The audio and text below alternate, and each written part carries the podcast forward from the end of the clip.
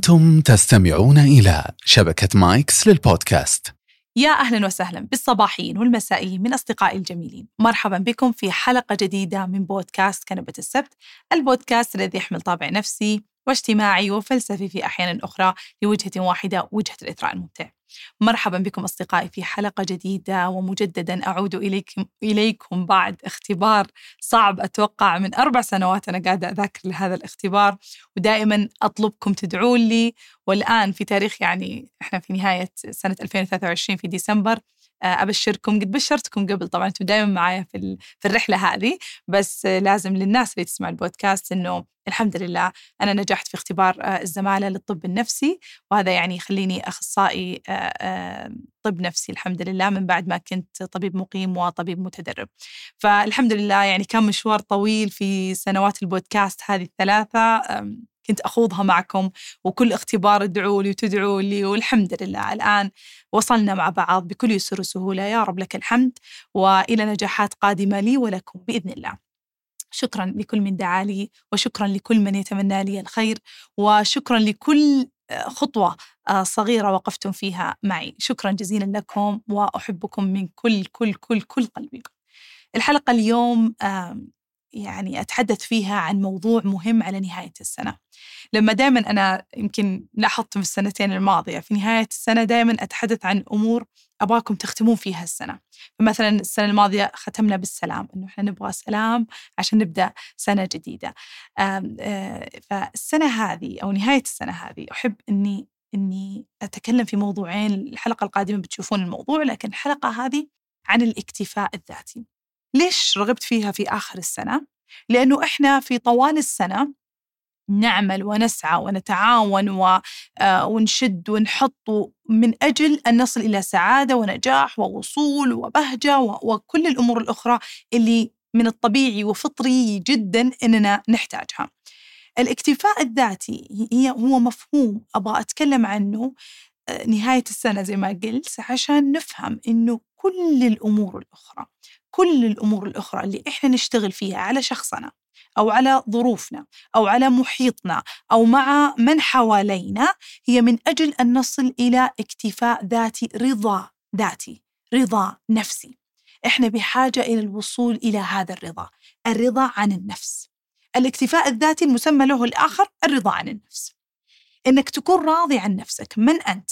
ماذا صنعت؟ ماذا عملت؟ آه، إيش سويت؟ إيش غيرت في نفسك؟ إيش وين وصل منظرك؟ وين وصل وزنك؟ وين وصل آه، مكانتك؟ وين وصلت مكانتك؟ وين وصل صوتك؟ وين وصل نجاحك؟ تكون راضي عن نفسك.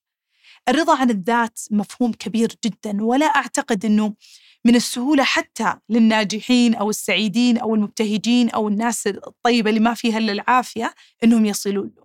فما بالكم بالأشخاص اللي قد يكونون في مراحل صعبة من حياتهم.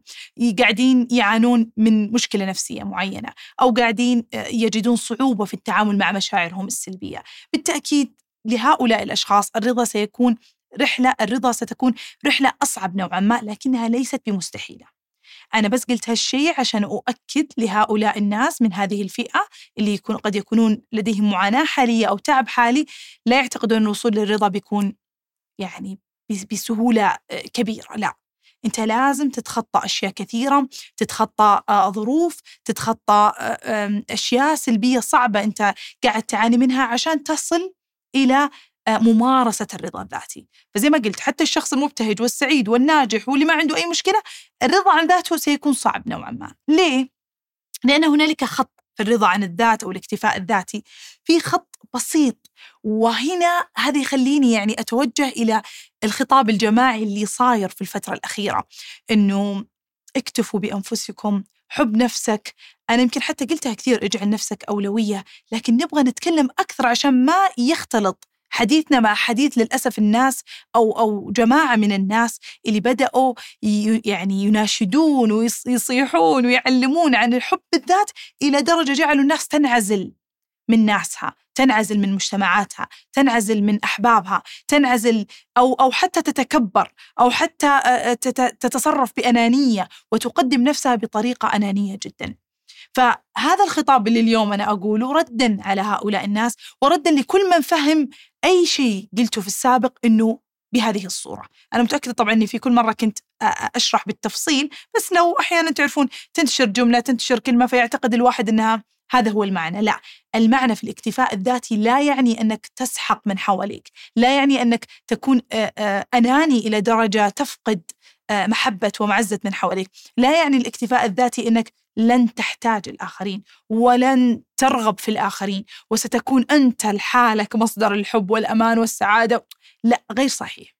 إحنا الله خلقنا سبحان الله في هذه الأرض بشر بأشكالنا وألواننا وأعمارنا وأجناسنا من أجل أن ننسجم من أجل أن نتعاون. والأحاديث والآيات في هذا الموضوع كثيرة لا تعد ولا تحصى. فسر الحياة هذه وجماليتها في في انسجام هؤلاء البشر. ولا الواحد يروح يعني في غابة وينعزل لحاله ويقول أنا مكتفي بذاتي ويستمتع. غير غير صحيح للبتة يعني. حتى لو كان الشخص غير اجتماعي جدا يعني يحب إنه يكون ينعزل لحاله يحب إنه آه، يكون يعني يستمتع بمفرده يظل هنالك وقت مع الآخرين يعزز فيها هذه الرابطة من أجل أن يكو أن تكون حياته ذو كفاءة أكثر ومن أجل أن يغذي داخله بشكل أكبر. لكن إحنا بنفرق هذا الخط الصغير هذا الخط البسيط بين الاكتفاء الذاتي مع وجود روابط جيدة مع من حواليه والاكتفاء الذاتي الأناني اللي إحنا نسميه الاكتفاء الذاتي الأناني اللي أنا والله أنا مكتفي بذاتي ومستمتع مع نفسي فمع السلامة كل الآخرين لا تكلموني وأنا ما تهموني أنا اولويتي الناس اللي بخليها لحولي اللي تخدمني وترفعني اللي يبغوني أخدمهم أو أرفعهم لا أنا معلش أنا مكتفي بذاتي أنا ما أحتاج أحد. فيكون الاكتفاء الأناني دائما شخص آه، يستخدم الآخرين من أجل نفسه لكنه بالمقابل لا يعطي. فقد يكون فعلا قد يكون سعيد وتمشي حياته وكل الأمور لكن في لحظة هذا الاكتفاء الأناني للأسف لما يجي يناقشني يقول لي بس والله أنا مبسوط والله أنا أموري طيبة وماشية حياتي إيه أروح مع أصحابي بس يا أخي مع نفسهم يعني هم ما يعرفون يساعدون نفسهم شوفوا أنا لما تجيني مصيبة أو شيء أنا أساعد نفسي. لا سمح الله هذا الشخص بيجيه لا سمح الله شيء آه، يعني مصيبة معينة أو أو يعني خلينا نقول ظرف كبير معين إلا وسيحتاج من حوله. إلا وسيحتاج ناس معينة من أجل أن تساعده. أنت لما تتعب أنت ما عندك إلا المستشفى والأطباء. أنت لما تخرب أجهزتك أو تخرب ما عندك إلا التكنيكال الأشخاص التقنيين من أجل أن يصلحونك. أنت لما يخرب مكيفك أو تخرب تخرب أشياء معينة في بيتك أنت ما عندك إلا اللي هم خلينا نقول السمكري أو الكهربائي من أجل أن يصلحها فأنت في النهاية بحاجة إلى الناس بطريقة أو بأخرى لما توسع صورة الحاجة هذه. لكن قبل أن نتكلم عن الاكتفاء الأناني وكيف إحنا لازم خلينا نقول إننا نتجنبه نتكلم عن الاكتفاء الذاتي المطلوب المرغوب. أولا لا تضغطوا نفسكم للوصول إلى رضا ذاتي مئة بالمئة. اسعى لتطوير نفسك وتطوير شخصك بتأني وبشويش بشويش. كل سنة يعني الحين إحنا نهاية سنة انظر لس... ل... ل... للسنة الماضية. انظر ل 2023 كاملة. أنا أسجل هذه الحلقة في 2023 في ديسمبر. فبالتالي خلينا نقول بلغة عامة عشان اللي يسمعها هذه الحلقة في 2024 ولا 25 ولا 26 ولا 30 فانظر إلى سنتك الماضية. انظرها من بدايتها إلى آخرها. شوف إيش سويت. شوف إيش عملت. لازم الاكتفاء الذاتي يكون في شيئين. هذا الشيئين ما نقدر ما يقدر يكون الاكتفاء الذاتي موجود بدونهم. أولا تقدير الذات.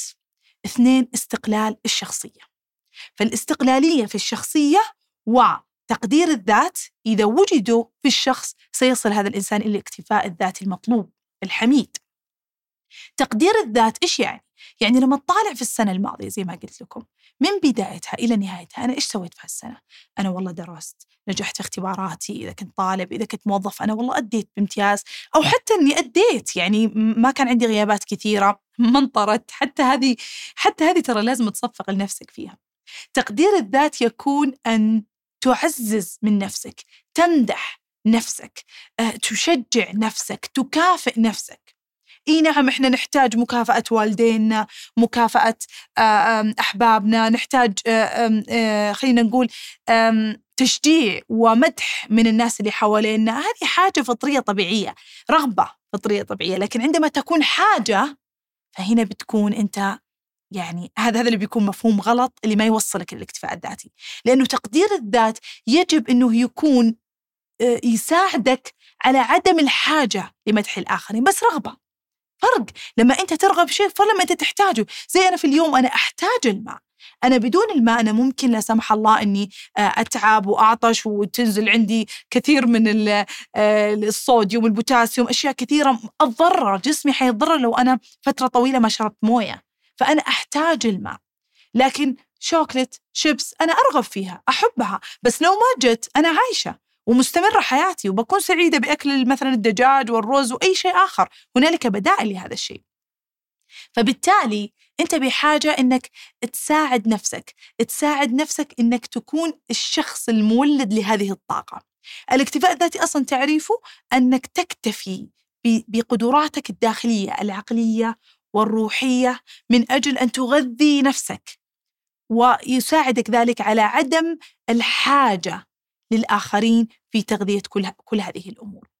فالاكتفاء الذاتي هو شيء داخلي. إحنا نتكلم عن الأشياء الداخلية. إحنا ما نتكلم عن الأشياء الخارجية. أنا بحتاج زي ما قلت كهربائي أنا بحتاج السمكري أنا بحتاج الطبيب أنا بحتاج المعلم. أنا حد أنا واصلة طبيبة ولا دكتورة ولا مهندس ولا أنا لا زلت أحتاج معلم أكبر مني. من أجل أن اتعلم وأصعد فالاكتفاء الذاتي لا يتنافى مع حاجتك للعلم وحاجتك للأشياء الخارجية والظروف الخارجية الأشياء آه، اللي ممكن إنها تزيد منك رفعة أو تزيد منك آه، خطوة، لكن الاكتفاء الذاتي هو شيء داخلي يجعلك لا تحتاج الأشياء العاطفية أو العقلية من الآخرين بل ترغب بها. فقط ترغب بها. أنا أرغب بمديح والديني أخواني أخواتي شريكي حتى أطفالي. أنا أرغب أنهم يمدحون لكن أنا لا أحتاج ذلك.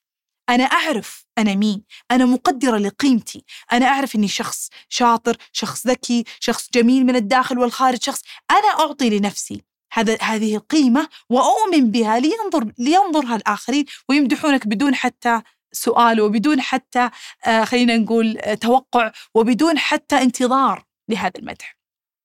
حلقة اليوم الاكتفاء الذاتي أنا أعلمها وأتحدث عنها مو من أجل أن يحبك الآخرين. أنا الحين حرفيا أريدك أنت أن تركز على قيمتك تركز على قيمة ذاتك وتسعى إلى تشجيعها وتحفيزها ومدحها و... وخلينا نقول آه، آه، آه، تشجيعها أنها تتقدم إلى الأمام وذلك بخطوات بسيطة. أولا إعطائك كيف أنك تقدر قيمتك؟ إحنا اتفقنا أن الاكتفاء الذاتي هو تقدير قيمتك قيمتك الذاتية الداخلية وأيضا هي استقلال الشخصية. فتقدير قيمتك الذاتية بأشياء بسيطة. بأشياء صدق لما إحنا نقول حب نفسك ضع نفسك أولوية لا يعني يا جماعة أن صديقك يحتاجك وتقول لا والله معليش أنا اليوم يوم اليوغا يوم اليوغا أنا ما ألتفت لصديقي صديقي يحتاجني في وقت ثاني أنا الآن عندي شيء لنفسي وأنا أقدر قيمة ذاتي وأنا أولوية نفسي وأنا بطنش صديقي. لا طبعا لا طبعا لا ما يحصل هذا الأمر كذا.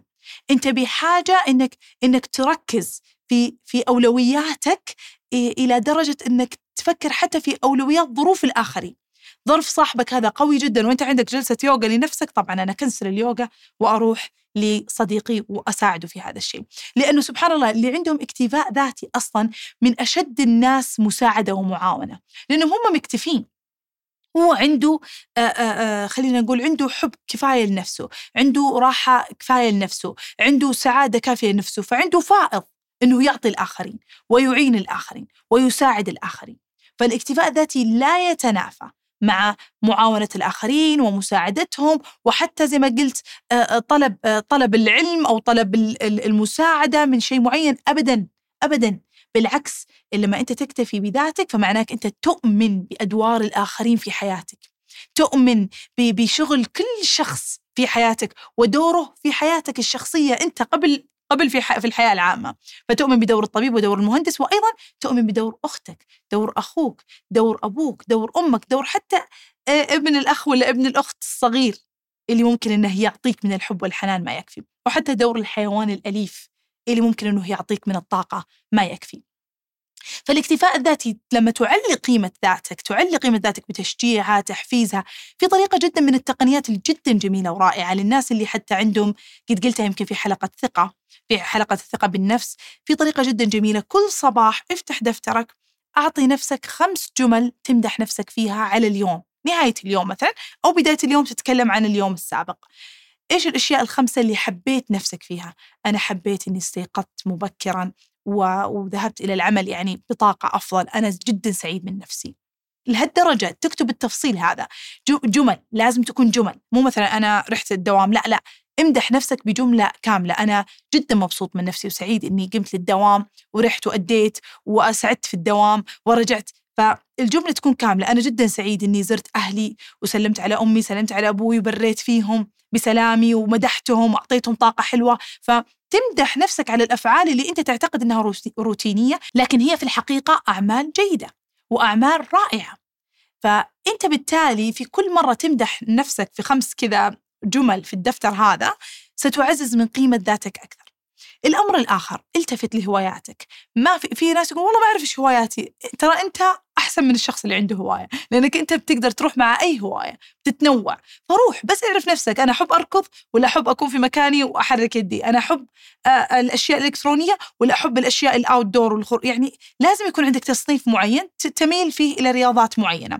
فأنت مثلا تحب الكورة روح شوف تنس كرة قدم آه، حتى يمكن آه، خلينا نقول كرة سلة. لا والله تحب وأنت واقف مكانك شوف البلياردو شوف البولينج شوف أي شيء من هذه الممارسات اللي ممكن أنها تضفي ليومك الشيء الجميل وأيضا تشعرك أنت طفل داخلك جواتك مهتم بهذه التغذية مهتم بأنك أنت تسليه مهتم بأنك أنت تونسه. أحيانا تكون هوايتك الكتابة الرسم التلوين أحيانا تكون هوايتك مشاهدة الأفلام و... و... وتقييمها والحديث عنها وأنك تروح نوادي مناقشة أفلام وتناقشون الفيلم.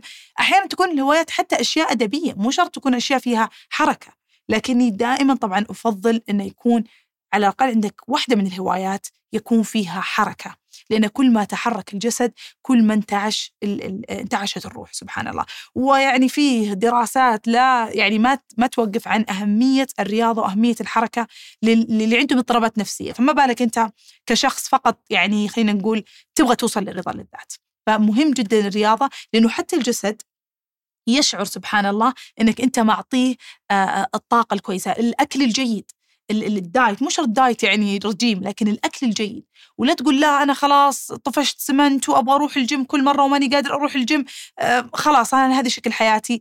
الشيء البسيط اللي أنت تسويه كل يوم أنت بتشعر إنك أنت قاعد تعامل جسدك بشكل جيد وهذا جزء من تقدير الذات حتى لو أنت خلينا نقول في سمنة مفرطة لكنك بدأت الآن بنظام غذائي جميل مو diet. نظام غذائي جميل. يعني كمية معينة من ال carbs كمية معينة من الخضرة كمية معينة من الفواكه. جسدك سيشعر أنك أنت قاعد تعامله بطريقة جيدة وهذا جزء من تقدير الذات. الحركة اليومية لو ساعة مشي مو شرط شيء كبير. هذا فيه التفاتة لنفسك وفيه يعني تقدير لذاتك.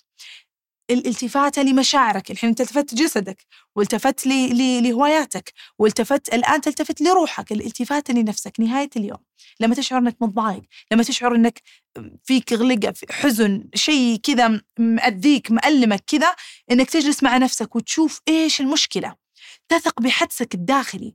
أنت عندك حدس يقول إنه أنت كنت منزعج بسبب فلان لما قال كذا وكذا وأنت حاسس إنه مو كويس. ثق بحدسك. إنه ممكن هو فعلا كان قصده غير ذلك فروح واجهه روح تكلم معه تحل مشاكلك أول بأول مع الثقة بحدسك إنه إيش الشيء اللي زعلك. لأنه في أحيانا إحنا نطلب المساعدة أطلب أختي ولا أطلب أخوي وأقول له يا أخي أنا كذا وكذا بعدين يقول يا أخي يمكن عشان كذا وكذا. أقول اي صح أروح على طول ألتفت مع السبب اللي هو أعطاني إياه لأنه أنا أبغى حل فعلى طول أي سبب يعطيني إياه بتشبث فيه.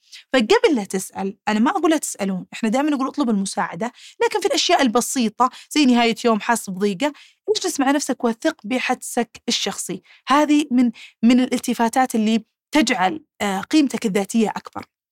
لأنك مؤمن بنفسك مؤمن بنظرتك عن نفسك مؤمن بإيش اللي يزعلني وإيش اللي يفرحني وأنا أثق بالضبط إيش اللي يزعلني وإيش اللي يفرحني إلى درجة إني أروح وراء هذه الأشياء فأروح للشيء اللي يسعدني وأتجنب الشيء اللي يعني ما يزعجني. فجلوسك مع نفسك والوصول مع الحدس إلى الأشياء اللي تزعلك أو أو أزعجتك وبعدين تواجهها طبعا وتحلها هذا يجعلك تؤمن بقدراتك أكثر ويجعلك أقل حاجة للآخرين.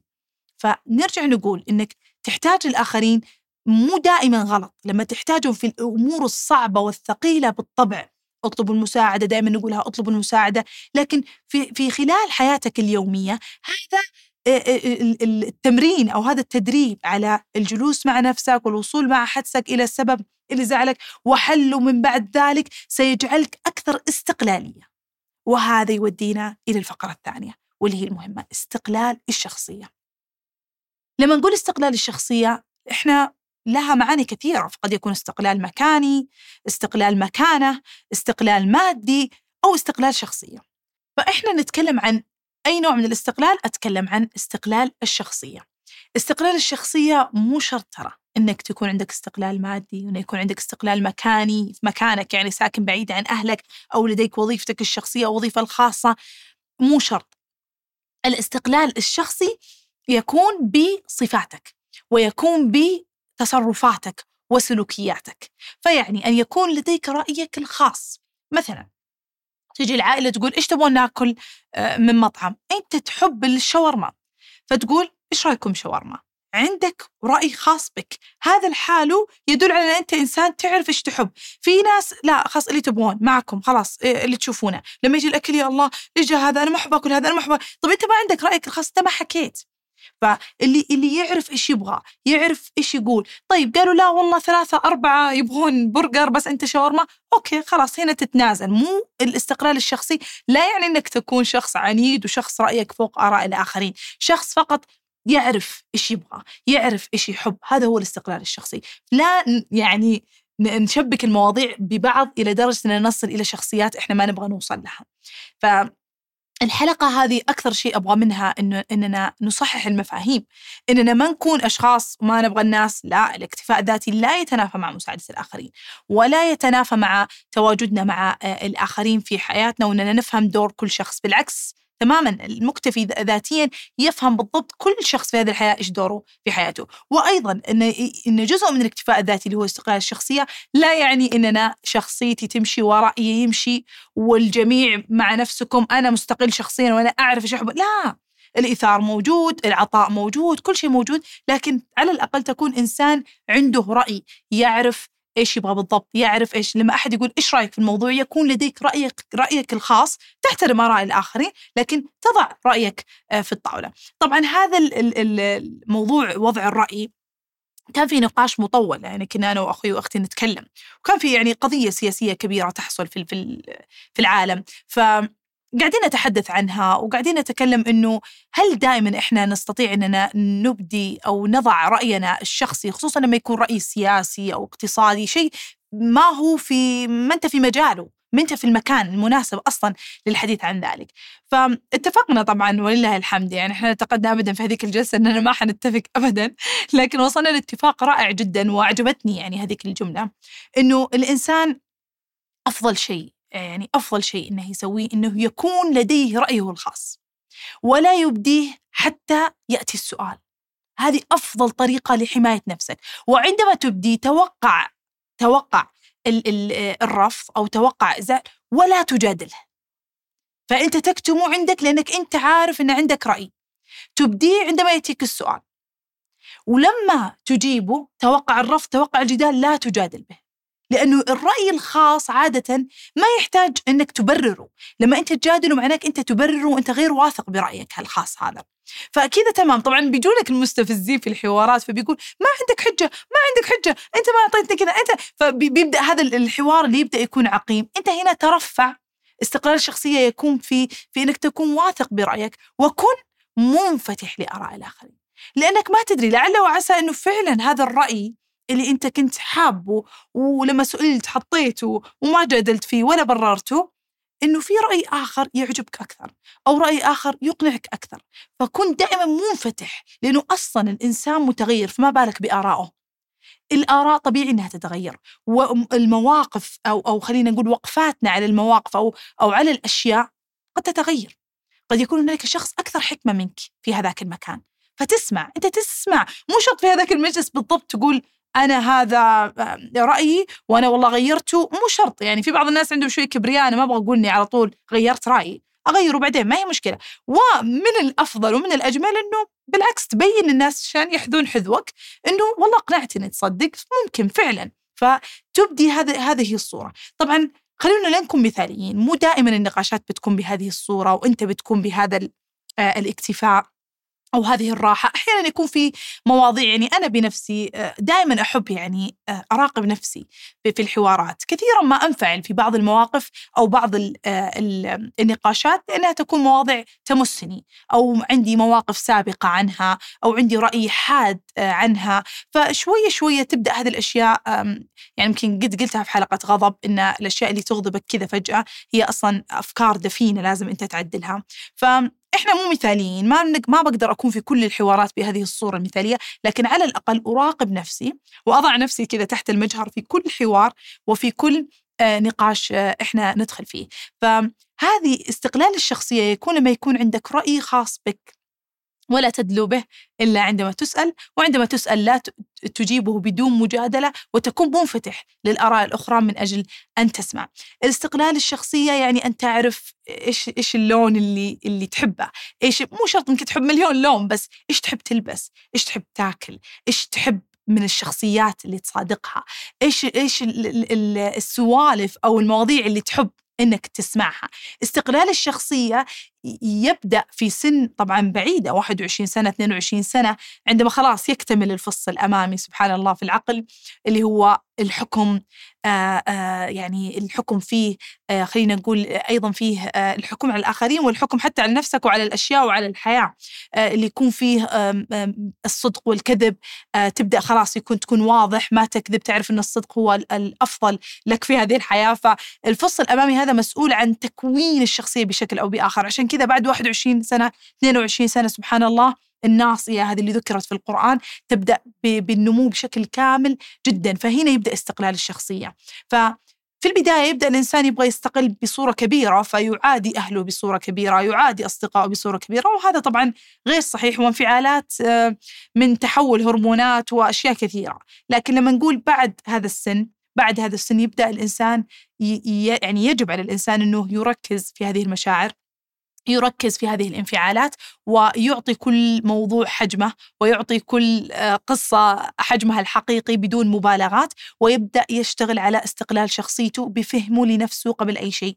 يفهم مين هو إيش يحب إيش زي ما قلت إيش إيش يحب يقابل أو مين يقابل أو إيش يتكلم عنه. في هذا العمر يبدأ الإنسان يصفي صداقاته اللي كانت من زمان يصفي العلاقات من حوله يبدأ يعرف حتى بعضهم يكون اوريدي في عمل أو وظيفة ما ما تشبهه. فيبدأ يقول لا بس ما تشبهني. عشان كذا يبدأ استقلال الشخصية يشعروا إنه هو في المكان الغير مناسب ويحاول إنه يدور مكان مناسب. فهنا تبدأ حلقة التخلي يمكن تشوفونها آه، إنه يبدأ يتخلى عن بعض الأشياء ويبدأ يستغني عن بعض الأشياء لأنه هو مستقل بذاته وحاب ذاته وعارف إيش يبغى وين يروح بذاته. لكن هذا لا يتنافى. لا يتنافى مع حاجتنا. للناس في ظروف معينة وفي أوقات معينة.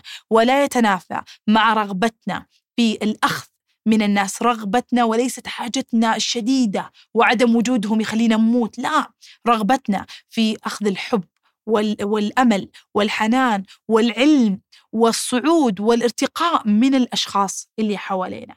الإنسان عندما يكتفي بذاته يستطيع قادر جدا على إسعاد نفسه بنفسه وقادر أضعاف على إسعاد الآخرين من حوله وقادر أضعاف على التواصل مع الآخرين وفهم حاجياتهم لأنه واصل إلى فهم عميق جدا لذاته، واصل إلى آه، علاقة وثيقة جدا مع نفسه.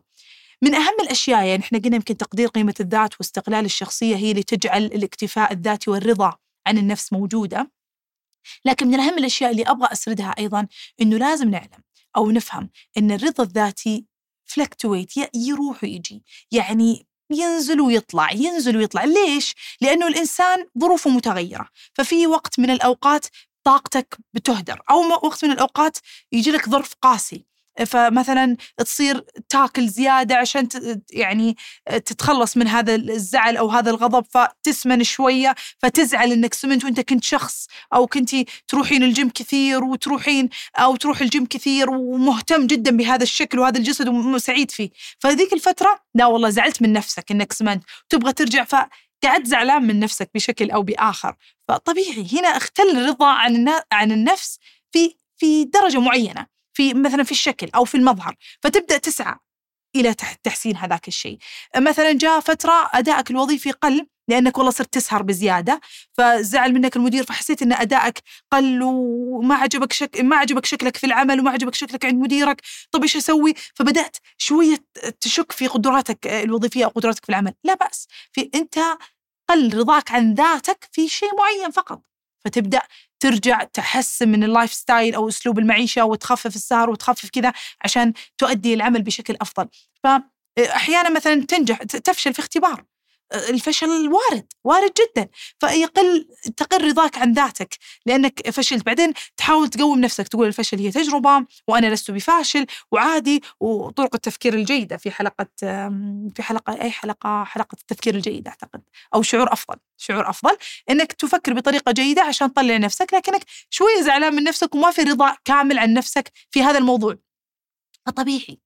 لا نعتقد يا جماعة أن الاكتفاء الذاتي هو عبارة عن غرور. أنا سعيدة ومبسوطة من نفسي 24 ساعة على مدار السنوات والأيام القادمة. هنا إحنا وصلنا إلى مرحلة غرور لن تجعلك ترتقي.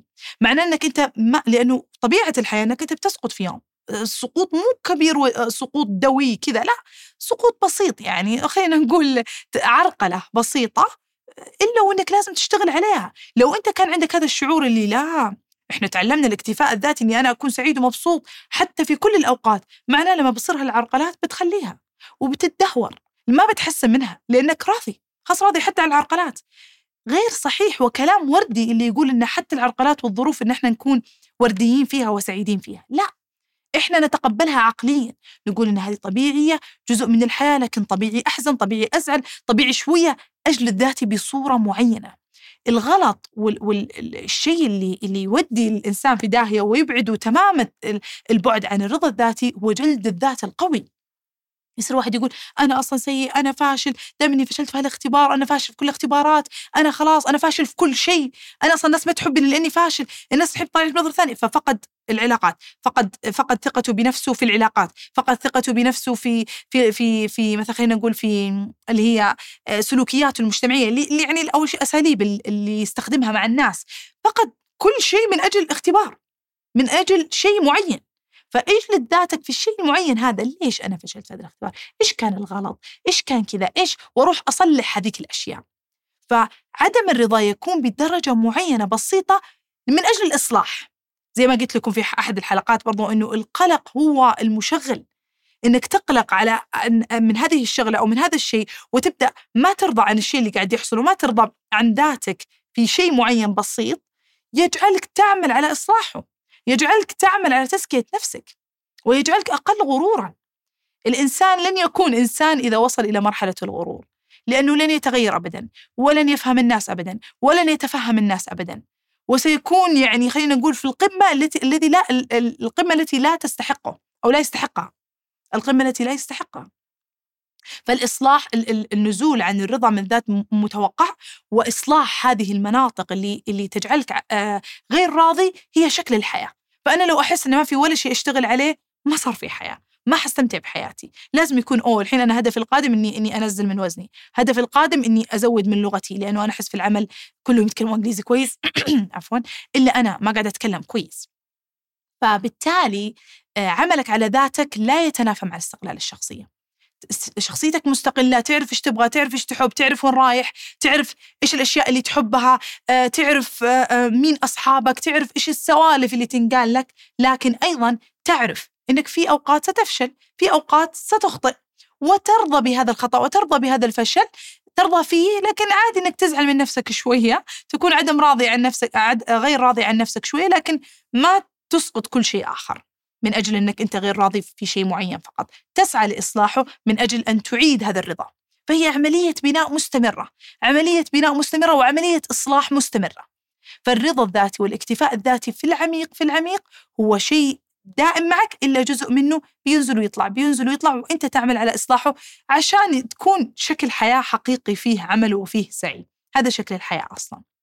فهذا هو اكتفاء الذاتي. الاكتفاء الذاتي يا جماعة هو أنك تعلي قيمتك الذاتية بممارسة هواياتك بمعرفة ما تحب ما, ما من هوايات ما تحب من أشخاص ما تحب من مواضيع ما تحب من عمل أن تعرف نفسك وتفهمها وتعطيها حقها تعطيها حقها في الجسد فبالرياضة بالغذاء الجيد تعطيها حقها في الروح فتعطيها روح يعني في الروح أنك تسعى إلى إسعادها تسعى إلى أنك تعمل أشياء تسعد فيها وتحبها وتستمتع فيها حتى لو كان أنك ترافق آخرين في هذه الأشياء. لكن تتأكد أن أن لديك الأشياء الكثيرة أنك تسعد فيها بدون الآخرين والآخرين هم اللذة الزايدة هم الموجودين اللي يجعلون من الحياة أكثر انتعاش وأكثر جمال، لكن الحاجات الداخلية إنك تعتمد على قدراتك العقلية والروحية في الجلوس مع نفسك وتثق بحدسك في قراراتك إلا إذا وجدت إن هذه الأشياء كبيرة و يعني مثلا قرار كبير أو مثلا ظرف كبير تسعى وتحتاج الآخرين لا بأس بذلك. وأيضا نتأكد أننا نرغب في الارتقاء مع الآخرين من ناحية العلم أو الحب أو الأمان أو العاطفة كل هذه الأشياء مع الاكتفاء الذاتي هذا الشيء طبيعي جدا لأنها بالعكس جزء من الاكتفاء الذاتي إنك تفهم دور كل شخص أو كل شيء في هذه الحياة داخلك وجواتك. وأيضا استقلال الشخصية يكون بأن يكون لديك رأيك الخاص، يكون لديك رؤيتك الخاصة، تكون أنت مستقل غير عن عن أخوانك أخواتك لا والله كل أخوانك دخلوا قسم معين أروح أدخل معاهم. كل أخو كل أصحابي راحوا جامعة معينة أروح معاهم. أنا أكون أعرف بالضبط أنا إيش أبغى. استقلال الشخصية لا يعني أن نطمس آراء الآخرين لا يعني أن نطمس وجود الآخرين ولا يعني أن نحتقر من أفكار الآخرين، استقلال الشخصية واستقلال الرأي يعني أن يكون لدينا رأينا الخاص ونبديه متى ما سئلنا وعندما نجيبه لا يهم أن نجادله ونكون منفتحين تجاه أفكار الآخرين وآراء الآخرين لأنها قد ترتقي بنا أيضا. الاكتفاء الذاتي أو الرضا الذاتي هو شيء كبير جدا ووصولك له. سيكون نعيم جنتي في صدري زي ما قال أحد العلماء. فالجنة حقيقة جوا لما أنت تكون راضي عن ذاتك وشكلك ومكانتك وكل شيء سعيت فيه سووها الآن في نهاية السنة. سووها الآن أو حتى ترى في أي شهر طالع ورا. خذ ست شهور الماضية. شوف إيش سويت. حتى لو أشياء بسيطة يا جماعة. سويت صداقات زرت الأهل كنت طيب مع الأهل وقفت مع صديق درست زين عملت زين. صفقوا لنفسكم شجعوا النفس شجعوا نفسكم علوا من قيمتكم الذاتية وقووا هذه الشخصية لتستقلون بها. أتمنى أنه وصلنا لهذا بهذا المفهوم إلى صورة واضحة وصلحنا مفاهيم كثيرة من أجل أن نرتقي بهذا المجتمع وتكون شخصيات رائعة مليئة بالاكتفاء الذاتي المطلوب البعيد عن الاكتفاء الذاتي الأناني. وأتمنى فعلا أن تكون هذه الحلقة تصل بكم بكل يسر وسهولة إلى قلوبكم وأرواحكم وعقولكم. وقبل أن أنتهي من هذه الحلقة أتمنى فعلا أنكم تشوفون حلقات كنبة بلس اللي هي حلقات اشتراك تكون حلقتين في الشهر. تسألوني بصوتكم وأجيب أجيب أجيب الأسئلة بصوتي في حلقات خاصة لكم أنتم المشتركين. طبعا هذه الحلقات صراحة حبيت أني أقول في هالحلقة أذكر بالاشتراك بها لأنه آخر ثلاث حلقات سويتها كانت أسئلة جدا واعية جدا جميلة. تكلمنا عن الغضب عن التنمر عن القلق الحقيقي والقلق خلينا نقول الطبيعي الجميل والقلق اللي هو اللي يصل إلى الإنسان إلى آه، النزول في أداء الوظيفة أو النزول في أداء الح... الاداء الحياتي فكانت حلقات أو أسئلة جدا عميقة وجدا رائعة فأجبتها من قلب صراحة فأتمنى الجميع آه، إنه يسمع الإجابات ويسأل لأنه أنا لا زلت أستقبل أسئلة ولا زلت أسمعها ولا زلت أجيبها في حلقات قادمة بإذن الله في كنبة بلس. تلقون رابط آه، كنبة بلس في وصف الحلقة. آه، اشتركوا في كنبة بلس وارسلوا لي سؤالكم آه، من أجل أن نجيب عليه في حلقات قادمة بإذن الله. شكرا لكم لمشاهدة هذه الحلقة وشكرا لكل مشتركي كنبة السبت وإلى حلقة قادمة. إلى اللقاء.